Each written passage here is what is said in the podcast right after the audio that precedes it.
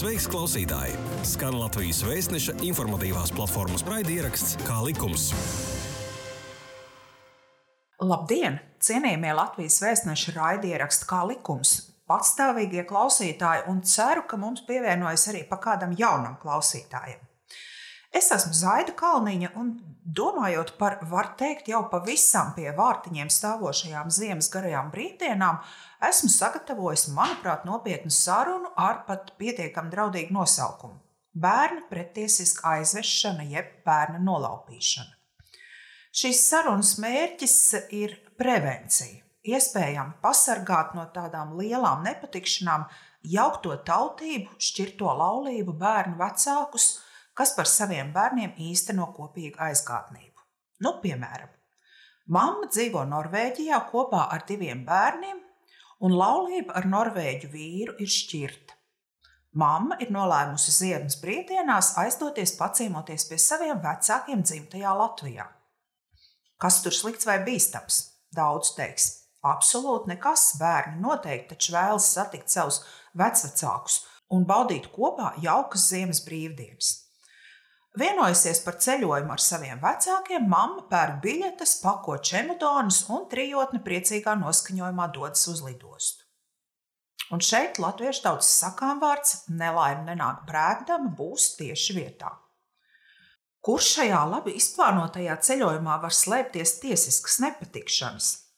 Vai mammas labais nodoms ir tikai vienpersoniski izlemjams? Kādas sekas var iestāties, ja mamma ceļojumu nebūs saskaņojusi ar bērnu tēvu? Galu galā, kā vecāks pats var nolaupīt savu bērnu par to neaizdomājoties.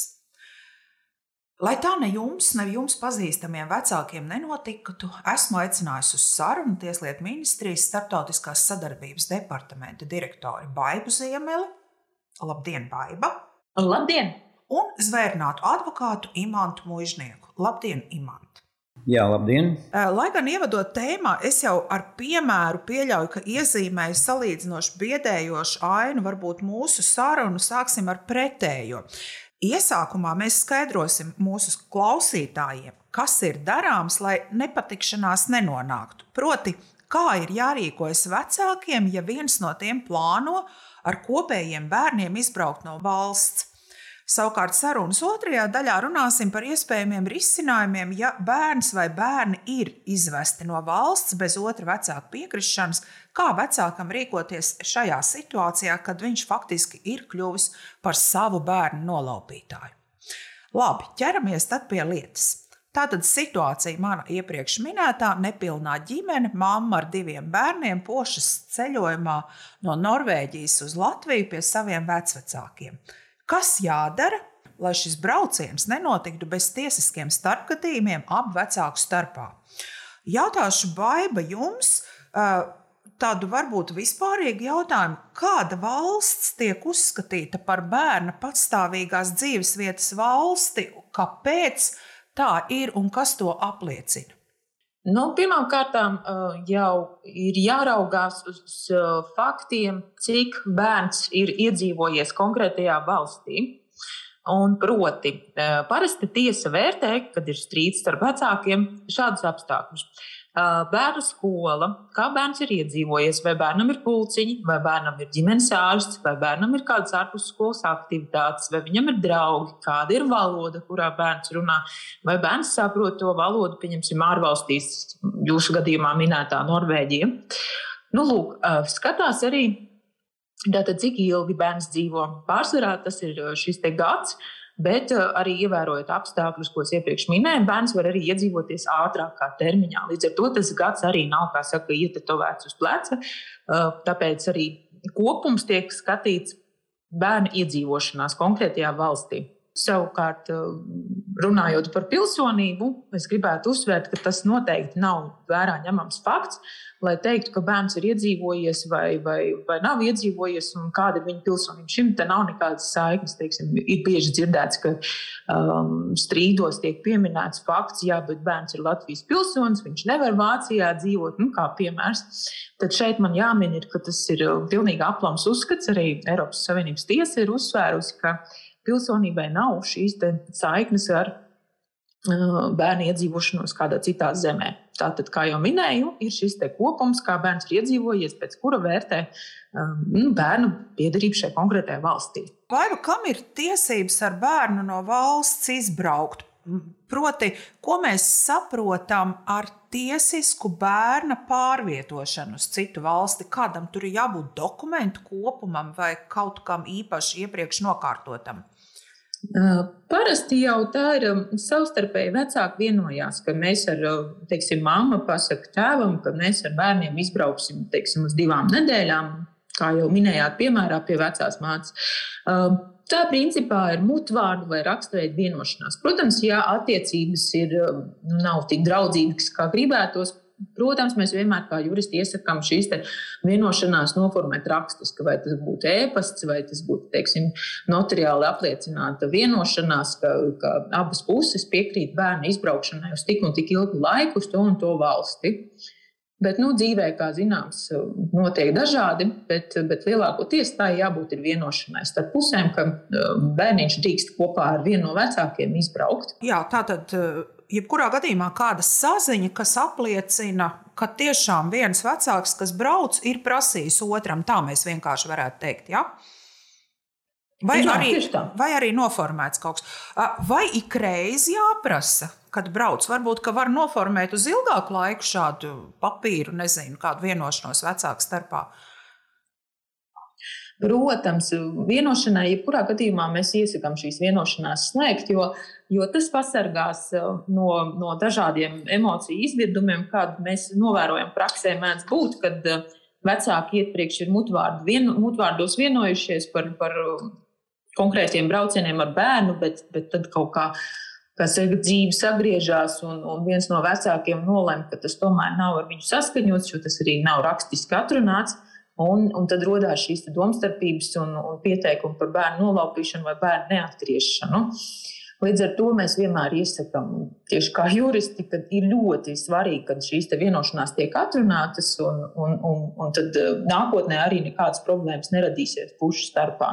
Jo bieži mēs arī novērojam mūsu pieteikumos par bērnu nolaupīšanu arī otrs vecāks ir spējīgs iesniegt šo vienošanos, un tad šī lieta ir izbeidzama nu, laimīgā kārtā.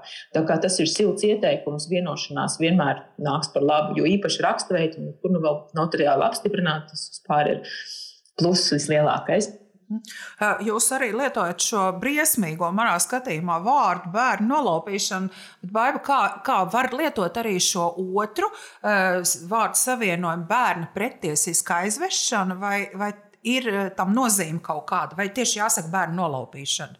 Nu, bērnu nolaupīšana, es lietoju, tas ir tāds, um, kā saka, profesionālais žargons. Uh, juridiski pareizs termins ir bērnu civiltiesiskā pretiesiskā aizvešana vai nolaupīšana. Jo šeit tiešām, kā jūs sakat, briesmīgi izklausās nolaupīšana. Mēs saprotam, ka tā var būt arī krimināla sodāma, bet šajā gadījumā, kad mēs runājam par bērnu pretiesisku aizvešanu vai aizturēšanu, tā ir jau civiltiesiskā. Un tā izriet no vecāku strīda. Ja mēs atšķiram no krimināla lietas, tad tā jau ir grupā droši vien organizēts pasākums, kad, kad tiek nolaupīts bērns pret izpirkumu maksu. Ja, tas ir tās, tās lielās atšķirības. Bet jā, ikdienā tieši tā arī mēs lietojam šo te terminu bērnu nolaupīšana, ar ko mēs arī saprotam, ka tā ir pretiesiska um, aizvešana vai aizturēšana. Savukārt atšķirības starp aizvešanu un aizturēšanu ir tajā momentā, ka jūs pieminētais gadījums Norvēģi, no Norvēģijas atbrauc māma ar bērniem pie vecmāmiņas uz Latviju. Un um, gadījumā, ja viņa ir vienojusies ar otru pusi, ka viņi būs divas nedēļas, bet uh, šos bērnus neatgriež pēc divām nedēļām atpakaļ uz mītnes zemi. Tā ir aizturēšana. Tas, nu, tas visbiežākais izpaužās, kad bērni vasaras brīvlaikos paliek pie, pie otra vecāka. Un pēc šīs brīvlaika beigām vecāks otrs nevēlas bērnu atdot, tā jau ir aizturēšana. Savukārt, nolaupīšana Aizvešana ir tas gadījums, kad vecāki paņem bērniņu no šīs mītnes valsts un, un saka, aizbēg uz otru valsti, vai arī atbēg atpakaļ uz Latviju, kas visbiežākais, spilgtākais piemērs ir. Un, un tā, šajā gadījumā tā jau ir nolaupīšana, patiesiska aizvešana. Mhm. -huh. Jā, nu, sarežģīti varbūt e, izklausās, bet iespējams dzīvē tas arī tās diezgan spilgti parādās, kaut gan iezīmējāt jūs diezgan labi šīs atšķirības.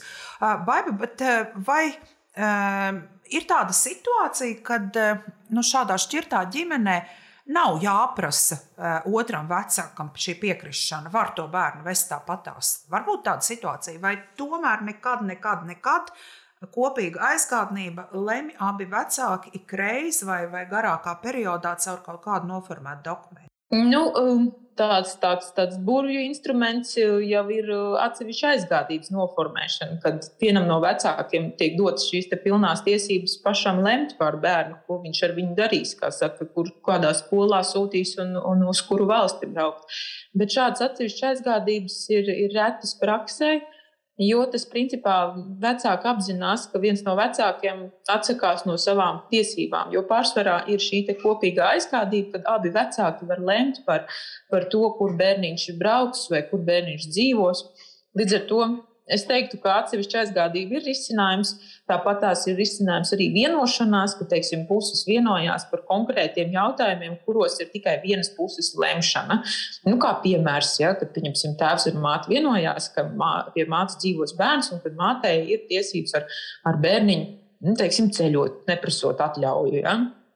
Bet tas, tas tiešām ir tāds uh, uh, jautājums, kas ir abām pusēm risināms. Protams, atsevišķi aizgādības jautājums var tikt noteikts tiesā, bet tad ir arī jāpierāda, kāpēc otrs vecāks nav spējīgs īstenot šīs aizgādības tiesības, jā, lai, lai pārtrauktu kopīgu aizgādību. Imants, sakiet, vai ir nozīme faktam, ka vecākam ir piešķirta atsevišķa aizgādība par bērnu šajā situācijā? Ir jāņem vērā, ka aizgādība ir gan vecāku tiesības no vienas puses, gan arī pienākums rūpēties par bērniem. Nu, respektīvi, tātad nodrošināt bērnu aprūpi, uzraudzību un tiesības noteikt viņa dzīvesvietu. Un tieši šīs tiesības noteikt bērnu dzīvesvietu ir svarīgas arī konkrētajā jautājumā. Tātad, ja pamatojoties uz vecāku vienošanos vai tiesas nolēmumu, tiek nodibināta viena vecāka atsevišķa aizgādība, tad otra vecāka piekrišana robežu šķērsošanai nebūs nepieciešama.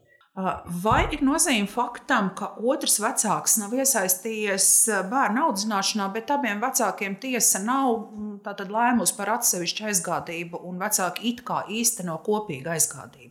Taču nav sasniedzams otrs vecāks un pilnīgi ignorē. Kā ir šādā situācijā? Tad būtiska nozīme būs tam, vai vecākiem joprojām ir kopīga aizgādība, pat ja viņi dzīvo šķirti. Nu, tomēr vienlaikus ir jāņem vērā, ka nelikumīga aizvešana netiks konstatēta, ja persona, kura iebilst pret aizvešanu, pirms aizvešanas savas aizgādības tiesības faktiski nebūs realizējusi. Nu, respektīvi, ja ģimene dzīvo šķirti, un tas otrs vecāks tikai tad atcerās par savu bērnu, kad šis bērns ir pārvietots pāri robežai, un otra puse varēs pierādīt, ka šādi bijuši šie lietas apstākļi, nu, tad acīm redzot, nebūs pamata konstatēt šo nelikumīgo bērnu aizvešanu, jeb citiem vārdiem sakot, bērna nolaupīšanas faktu. Kā jūs ieteiktu rīkoties tajās situācijās, nu, vecāki savā starpā ir lielā konflikta situācijā, un viņš nav sasniedzams? Jā? Strīdi ir pastāvīgi, ne bez kontaktēšanās. Ko darīt šai mammai, piemēram? Nu, tas, ka vecāki nevar atrast kompromisu, viņus tomēr neatbrīvo no pienākuma respektēt pirmkārt bērnu intereses, un tās ir prioritāras šajās lietās, un otrkārt arī vecāka aizgādības tiesības. Nu, līdz ar to ja situācijā, kad bērni vecāki dzīvo šķirti, viņi nekontaktējas, viņiem ir strīds savstarpējs, eh, ir jārēķinās ar to bērna interesi, kas ir primāra un jāmeklē šis kompromiss. Eh, ja tas neizdodas vienošanās savstarpēji pārunu ceļā, tad ir jāmeklē risinājums tiesā. Sakiet, bet, piemēram, elementāra informēšana aizsūta vecākam izziņu tam. Vai tas būs pietiekami? Vecāks būs informējis. Ja, jaut, ja ir jautājums par uh, pārbraukšanu pār robežām, tad, ja uh, viens no vecākiem ir informējis par to, ka viņam ir nolūks uh, doties ar bērnu ārpus valsts robežas, ar to vien nebūs pietiekami. Ir jāsaņem no otra vecāka piekrišana. Nu, citiem vārdiem, kā juristi saka, akcepts šādai darbībai. Ja tas nebūs izdarīts, tad droši vien tur varētu būt potenciāli tiesvedību. Uh -huh. Jūs jau minējāt bērna intereses un jārīkojas pēc labākajām bērna interesēm. Kāda šajās situācijās loma ir paša bērna viedokļa un kā tas vispār tiek noskaidrots? Un, piemēram, vecāks otrs saka, nē, lai iespītētu. Ja? Ne, nekur jūs nebrauksiet. Bērnu viedoklim ir ļoti būtiska nozīme patiesībā, un tas ir obligāti noskaidrojams, bet pie nosacījuma, ja bērns var to formulēt, ņemot vērā viņa vecumu un briedumu. E, te gan ir e, tiešām šis aspekts svarīgs, ka otrs vecāks, e, nu, vai teiksim, vecāks, pie kura bērns atrodas, var konfliktēt ar otru vecāku, un pilnīgi, tā situācija ir pilnīgi pašsaprotama, droši vien kādreiz arī bērnam nāksies dzirdēt kādu nu, šādu nelāgu vārdu par, par tēvu vai māti, kas ar ģimeni nedzīvo. No tā mēs izvairīties nevaram, un tas, starp citu, ir pašsaprotama lieta. Jā, un līdz ar to arī tiesai, kas šādu strīdu skatīs, būs samērā grūti noskaidrot tieši šo objektīvo patiesību, kā tad ir īstenībā ar šo situāciju. Un tādēļ tieši palīdzēt noskaidrot bērna viedokli var vāriņtiesina un psihologs. Tikai ir jāņem vērā, ka psihologam šādā, šādā gadījumā ir jābūt vismaz maģistra grādam psiholoģijā un arī piecu, vismaz piecu gadu darba pieredze darbā ar ģimenēm. Tātad, ja es pareizi sapratu, es pārjautāšu, sanāk tā, ka situācijā ir, ir izveidojies šis konflikts un iesaistās kādas no institūcijām, bērnu viedoklis tikai tad tiek skaidrots, nevis, piemēram, pirms braukšanas. Ja? Bērns tā kā nevarētu teikt, tēti, nu, atļauj taču mums braukt. Un, un ja tēvs, kā, kā es iezīmēju, iebilst. Nu, redziet, principā tādas pārunas jau var būt, un, un normālā ģimenē, vai teiksim, nu, tā, nu, normālās attiecībās droši vien tā tas arī notiek. Mēs šeit vairāk, vairāk runājam par situāciju, kad šīs puses jau vairs nevar saviem spēkiem atrast šo risinājumu, un tāpēc iesaistās jau citas institūcijas, nu, valsts institūcijas, respektīvi tiesa, bāriņu tiesa, kura pieaicina attiecīgi arī psihologu, kurš raksta šo atzinumu, tad šī, jau šī procesa ietvaros notiek šī bērna viedokļa noskaidrošana. Tas, ka viņi pirms tam ir runājuši, tas ir tikai apsveicami, un tā droši vien arī būtu jānotiek. Tad mēs pāriesim pie tās otras situācijas, pie tā negatīvā scenārija, ka uh, nepilnās ģimenes ceļojums ar bērniem ir noticis tā, ka saskaņojums nav prasīts, bērni no valsts ir izvesti bez tēva piekrišanas. Tēvs par to ir nikns, un, protams, vērsies ir attiecīgi tur, kur nu viņš var vērsties. Baiba, kā vecāks var savu bērnu nolaupīt? Nolaupīt uh, var, kā jau jūs minējāt, ir nezināšana un ir apzināta nolaupīšana. Bet pārsvarā es teiktu, ka tā ir bēgšana. Tā ir bēgšana no attiecībām, bēgšana no ģimenes, bēgšana no konkrētās valsts, kur ir bijušas šīs attiecības. Lielākoties šīs attiecības var būt bijušas vardarbīgas, kāpēc viens no vecākiem izvēlās kopā ar bērnu pamest valsti, pamest ģimeni, pamest šo te, ja tā var teikt, varmāku. Šajā gadījumā tā, ir, tā ir apzināta bēgšana. Uh, ir gadījumi, kad vecāki dzīvo šķirti vienā un tajā pašā valstī, un, un viens no vecākiem nolēma dzīvi turpināt citā valstī. Mums ir bijis tā, ka vecāki savā starpā pat nesazinās, Līdz ar to viens no vecākiem pat neredz jēgu ziņot, ka viņš pārceļās dzīvot uz citu valsti, un tad pēkšņi šis otrs vecāks to uzzinot, protams, ir tiesīgs sniegt pieteikumu par bērnu nolaupīšanu.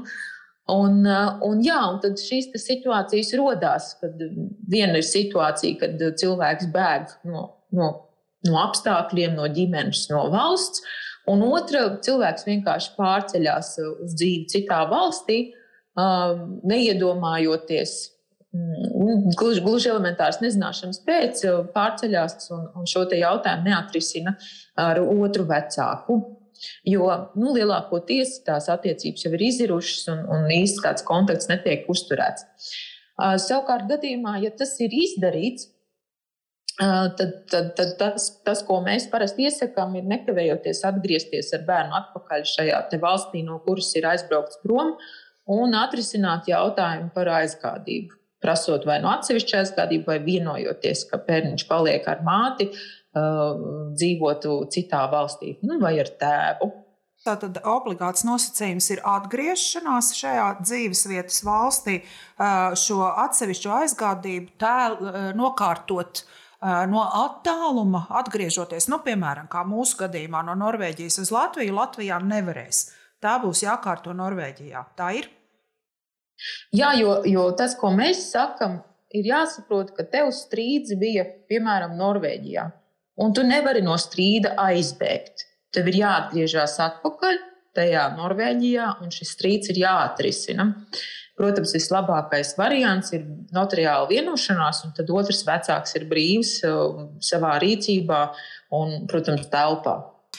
Cita starpā, kāda ir pēdējo gadu statistika? Tieslietu ministrija ir atbildīgā valsts iestāde šajos jautājumos.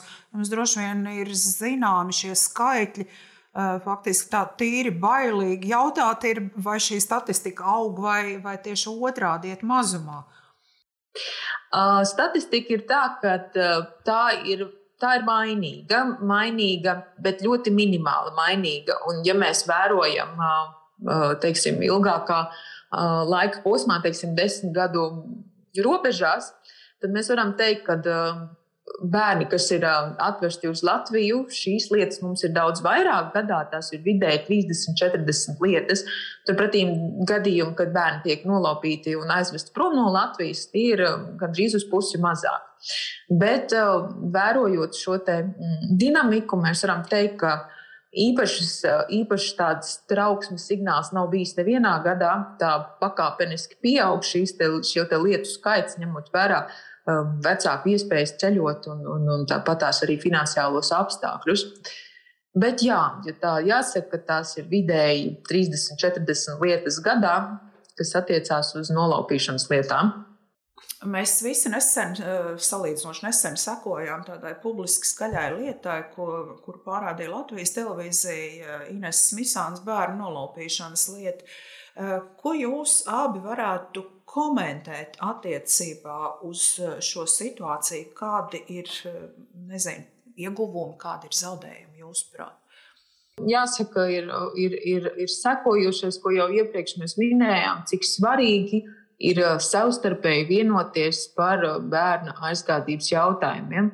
Jo šis, šī situācija, kas Misānas lietā bija redzama, ka, ka šis jautājums netika atrisināts Dienvidāfrikā. Un, un, diemžēl Misāns kundze bija spiesta bēgt no Dienvidāfrikas uz Latviju.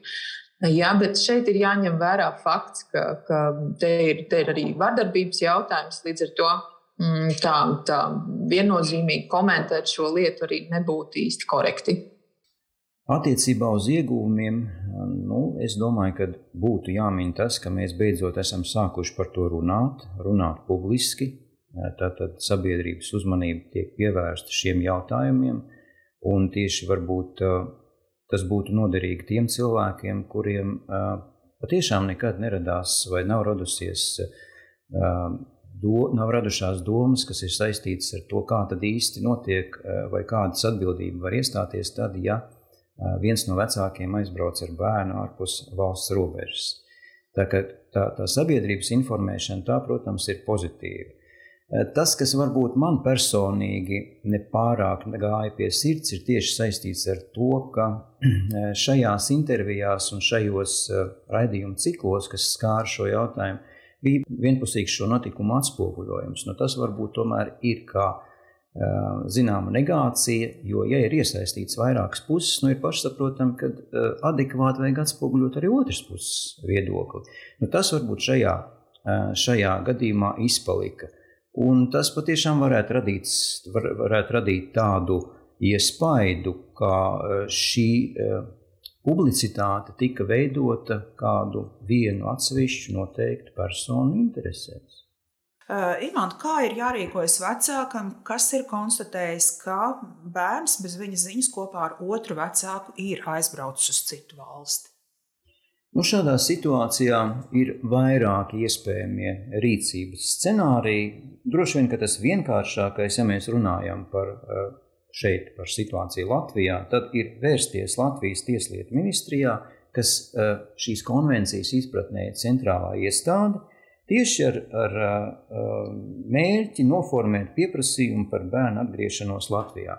Protams, ir arī citas iespējas, un tās ir saistītas ar to, ka šī ieinteresētā puse vēršās tās valsts iestādēs, kurā uz doto brīdi atrodas bērns, respektīvi tur, kur, tajā valstī, uz kurieni ir bērns aizvests.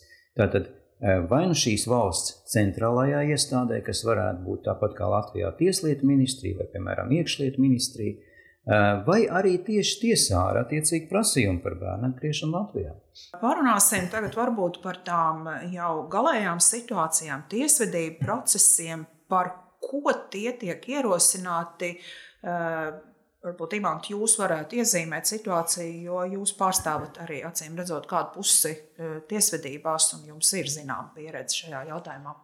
Nu, visbiežāk tās ir tiesvedības par bērna pretiesisku pārvietošanu pāri robežai uz Latviju, retāk par aizturēšanu Latvijā vai saskarsmes tiesības nodroš, nodrošināšanu. Eh, pavisam reti ir eh, lietas par atzinumu sniegšanu ārvalsts tiesai par bērna pārvietošanas pāri robežai tiesiskumu. Nu, faktiski šajā gadījumā tiesa sniedz ārvalsts tiesai tikai savu atzinumu par to, vai bērna pārvietošana pāri robežai ir bijusi tiesiska. Sakiet, cik liela nozīme šādās situācijās ir laikam? Um, Nu, vai tiesvedība iespējams iestākt pēc laika, piemēram, pusgada, gada jau, kad ir šis fakts noticis un bērni varbūt ir atgriezti vispār atpakaļ?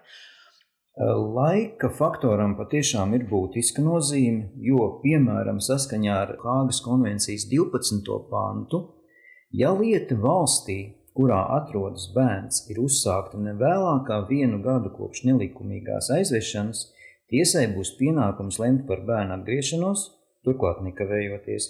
Savukārt, pēc viena gada termiņa beigām tiesa varēs lemt par bērnu atgriešanos, ja vien netiks pierādīts, ka bērns ir iedzīvojies jaunajā vidē. Nu, respektīvi, ko tas nozīmē? Tas nozīmē to, ka, ja šī ieinteresētā puse kavēsies ar attiecīgu pieteikumu sagatavošanu un iesniegšanu vai nu centrālajā iestādē, vai arī tiesā, Tas nozīmēs to, ka otra puse varēs izmantot jau papildus argumentus, kas ir saistīti ar bērnu iedzīvošanos jaunajā vidē.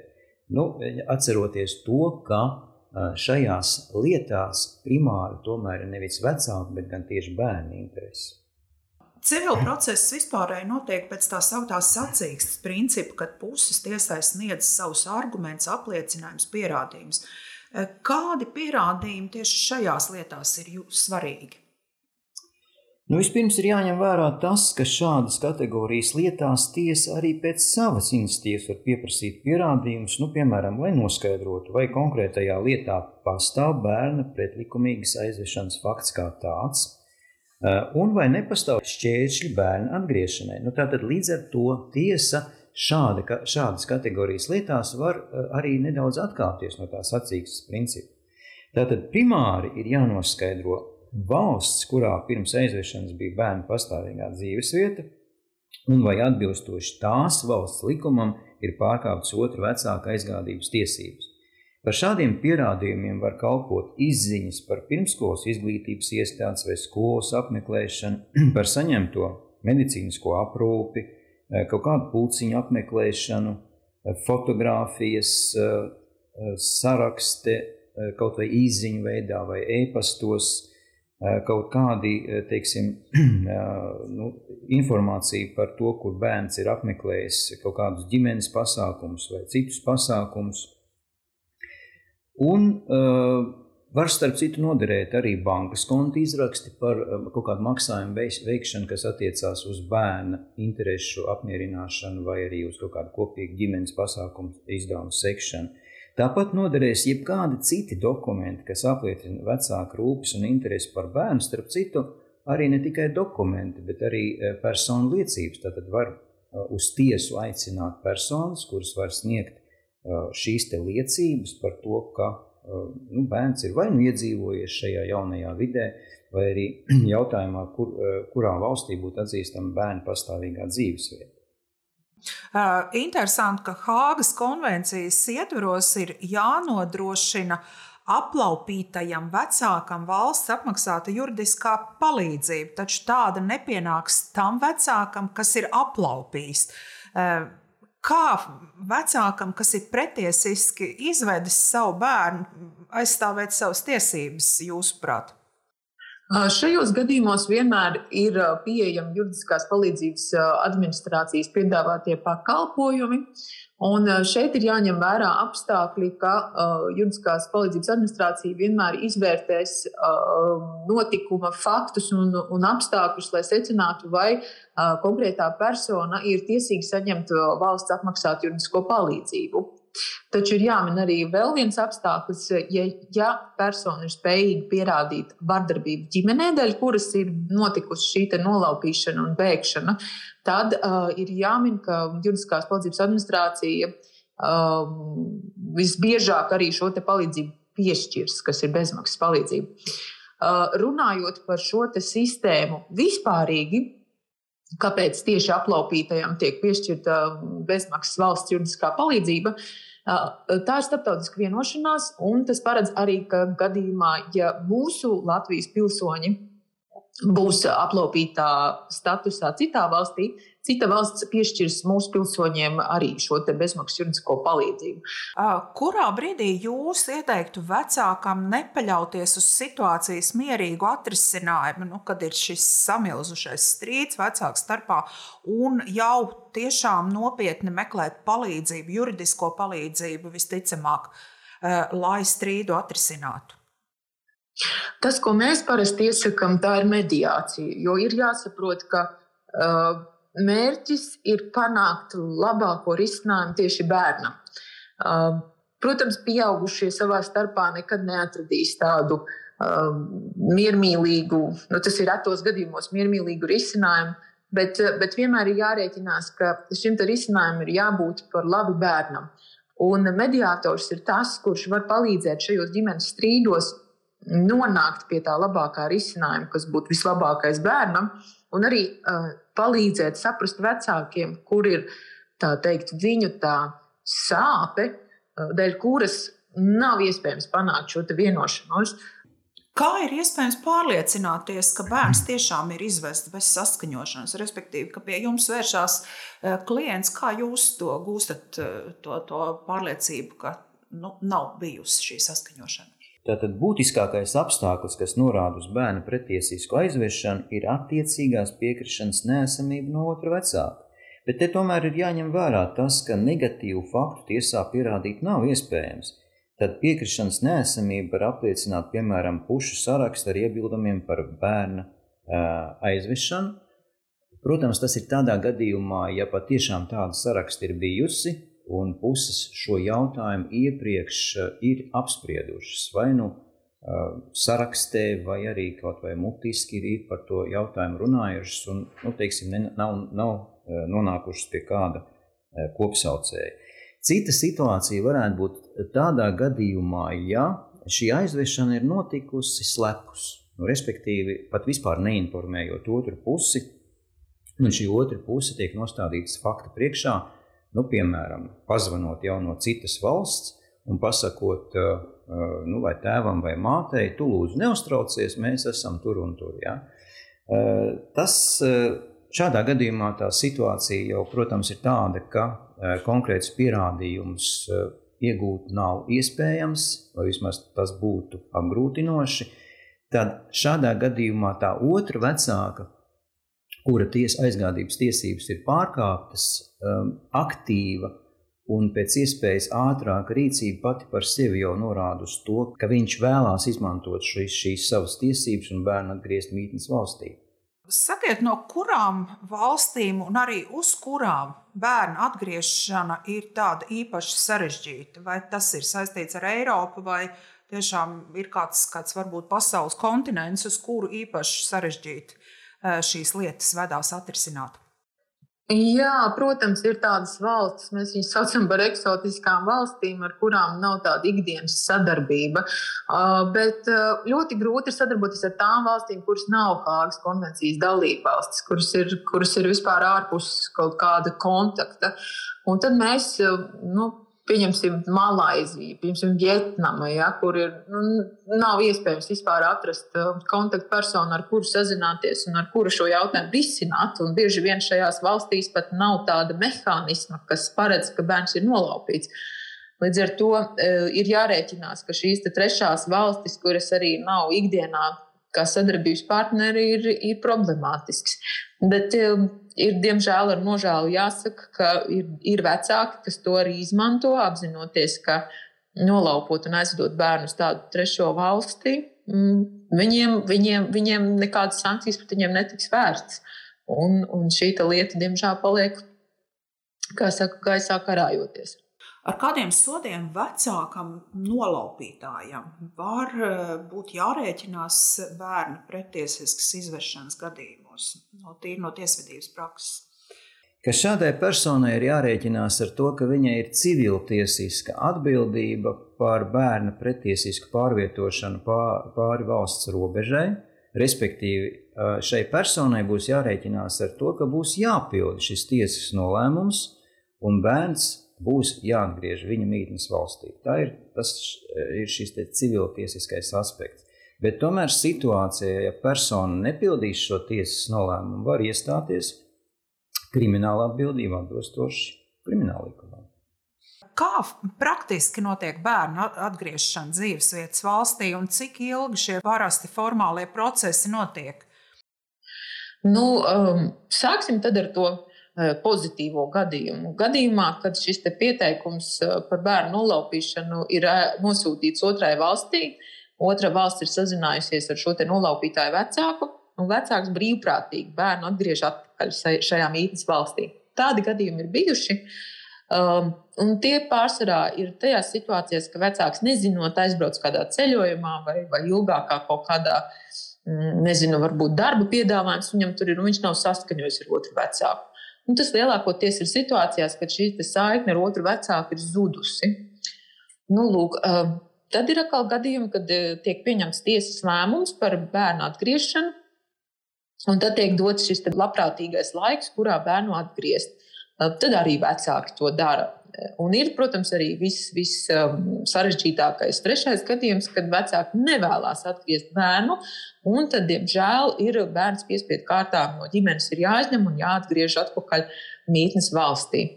Mums ir bijuši gadījumi Latvijā, kad vecāki nevēlas atgriezt, un tad, tad diemžēl, tiesas izpildītājs ar, ar policijas pārstāvjiem, bāriņtiesas pārstāvjiem, tāda vesela grupa dodas uz ģimeni un šo bērniņu izņem, lai nodotu otram vecākam. Uh, tie ir ļoti skarbi gadījumi. Un, Man tiešām gribētos vērsties pie pašiem vecākiem un, un, un likt aizdomāties, ko viņi nodara pašam bērnam. Uh, ir saprotams, ka strīds ir vecāku starpā, bet šajos brīžos vecāki absolūti nereiķinās ar to, ko jūt un ko domā un kā to redz viņu bērns. Un šīs traumas, kas ir bērniem paliekošas uz visu mūžu, neviens jau vairs pēc tam nevarēs izdzēst. Sakiet, Imants, vai ir kādi izņēmumi no vispārējā pienākuma atgriezt bērnu pastāvīgās dzīvesvietas valstī? Jā, šādi izņēmumi patiešām ir paredzēti Hāgas konvencijas 13. pantā, kurā ir noteikts pienākums izvērtēt bērna intereses. Tātad visi šie izņēmumi primāri ir saistīti tikai ar bērnu interesēm. Tātad šādi izņēmumi ir konstatējami tad, ja persona, kas atdošanu pieprasa, nav faktiski īstenojusi aizgādības tiesības, vai arī šīs personas rīcība liecina par jaunās situācijas pieņemšanu. Nu, faktiski viņi neīsteno šīs tiesības, ko viņai piešķir gan Hāgas konvencija, gan attiecīgie nacionālajie tiesību akti. Nu, citiem vārdiem sakot, šī persona vienkārši neinteresējās par savu bērnu, kā arī e, tad mēs varam konstatēt izņēmumu, ja pastāv nopietnas risks, ka bērna atdošana sagādās bērnam fizisku, vai psiholoģisku kaitējumu, vai kā citādi radīs neciešamu situāciju. Tad arī šie aspekti ir jāvērtē. Tāpat atdošanu var atteikt, ja bērns pats iebilst pret atgriešanos un ir sasniedzis attiecīgu vecumu un briedumu pakāpi, lai spētu atbildēt par saviem uzskatiem. Ir jāņem vērā, ka visi šie konvencijā nostiprinātie izņēmumi ir jātulko ļoti šauri. Atļaušos piebilst, ka mūsu Latvijas tiesas dažkārt šo izņēmumu piemērošanā demonstrē samērā liberālu pieeju, nu, kas varbūt mūsu tiesas atšķir no citu valstu tiesām, kas patiešām tikai izņēmumu gadījumos atsaucās uz šādiem apstākļiem. Cienījamie viesi, eksperti, kādi būtu jūsu abu preventīvie ieteikumi vecākiem, lai viņi šādās situācijās nenokļūtu? Nu, ir ir jā, jāizdala laikam divi gadījumi. Ja, ir, ja tā ir vardarbība ģimenē, no kuras bēg vecāks, nu, tur, tur cita varianta nav. Nu, vis, vislabākais, ko var izdarīt, ir konkrētajā valstī vērsties tiesā un saņemt aizliegumu tuvoties orderu vai, vai, vai arī apliecinājumu, ka arī šī vardarbība notikusi ģimenē. Jo ar šādu te pierādījumu tad arī vecākam ir tiesības saņemt šo atsevišķo aizkādību, vai arī um, nopietnākos gadījumos otram vecākam šīs aizkādības tiesības vispār tiek atņemtas. Ja? Bet, um, tad savukārt otrs gadījums, kad šīs vardarbības nav, bet nav savstarpējas vienošanās, nu, nu noteikti ir jāsaprot, ka mm, šī vienošanās ir jāpanāk iepriekš, pirms, pirms tiek pieņemti kaut kādi zināmi lēmumi par, par, par izceļošanu no valsts vai kaut kādas dzīvesvietas maiņu. Šis otrs vecāks ir jāinformē, jo otram vecākam nedrīkst liekt tiesības eh, saskarsmē ar savu bērnu. Un mums ir arī jāsaprot, ka, ja mēs izceļojam uz citu valsti, tas ierobežos otra vecāka iespējas ar bērniņu tikties. Un, un, un tāpēc mēs vienmēr silti iesakām šīs vienošanās iepriekš ja noslēgt, nu, bet, bet vardarbības situācijas tas ir cits stāsts. Nu, pirmkārt, vecākiem ir nopietni jāapdomā savi dzīves soļi pirms viņi kļūst par vecākiem, un veido šīs kopējās ģimenes attiecības ar, ar, ar otru personu. Tomēr ir jārēķinās ar zināmām atšķirībām vērtību izpratnē, ģimenes vērtību izpratnē, un ar to, vai viena vai otra puse vispār spēs pieņemt šo jauno situāciju. Tas, kas attiecās jau tālāk uz konkrēti bērnu pārvietošanas jautājumiem pāri robežai. Patiesībā sakot, ieteikums ir viens - ir jānodrošinās ar pietiekamiem pierādījumiem, kas norāda uz to, ka otrs vecāks ir devis savu piekrišanu un uh, neiebilst pret bērnu pārvietošanu pāri robežai. Tādā veidā uh, arī netiktu konstatēta aizgādības tiesību pārkāpšana. Uh, savukārt, ja Šādu piekrišanu saņemt nav iespējams, un starp pusēm pastāv strīdi, nav kompromisa, nepalīdz ne mediācija, ne ģimenes speciālisti.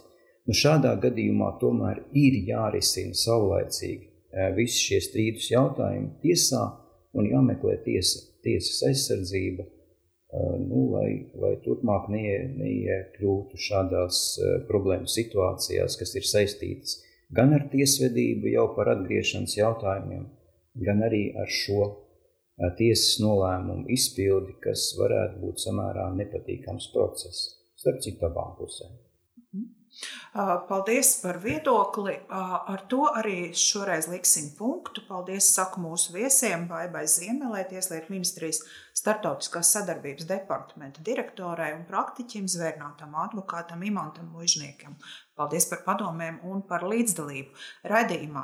Mīļie vecāki, kas abi esat ierakstīti bērnu dzimšanas apliecībā un neraugoties uz jūsu savstarpējām nesaskaņām, tiesa nav lēmusi citādi, vai arī paši savā starpā nesat vienojušies par pretējo likumu priekšā, jums abiem ir kopīga aizgādība par saviem bērniem. Un kopīgas aizgādības esamības labad jums abiem ir kopīgi jāizlemj jautājumi, kas skar jūsu bērnu attīstību. Cieniet viens otru, mācieties sarunāties, jo jūs abi noteikti mīlat savus bērnus.